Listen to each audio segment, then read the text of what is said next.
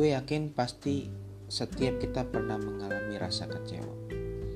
Manusiawi banget kalau kita pernah mengalami rasa kecewa.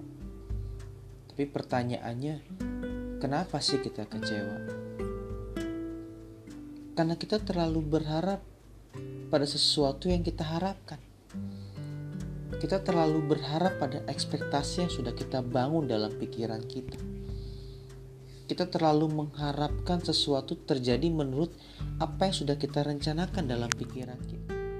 Padahal kita harus menyadari bahwa kita bukan sesuatu yang bisa mengontrol keadaan atau sesuatu yang bisa menciptakan realitas di depan kita berdasarkan maunya kita sendiri.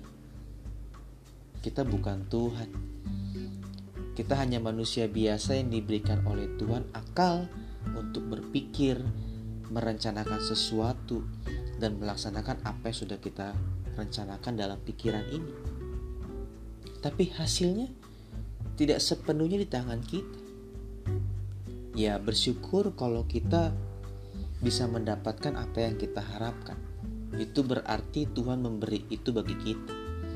Itu juga berarti Tuhan mengizinkan apa yang kita harapkan terjadi bagi kita. Tapi kalau tidak, kita harus belajar.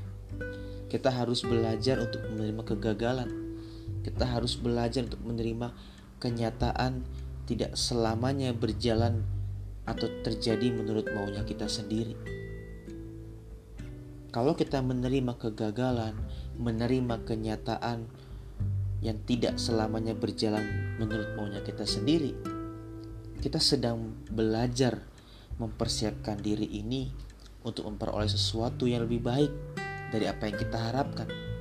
Kita sedang mempersiapkan diri untuk menerima apa yang lebih baik dari yang kita pikirkan.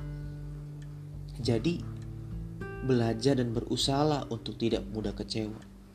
Memang tidak mudah, tapi menjadi pribadi yang tidak mudah kecewa akan menunjukkan bahwa kita adalah orang-orang yang kuat menghadapi kenyataan hidup yang penuh dengan problematika dinamika hidup dengan gelombang hidup yang ada.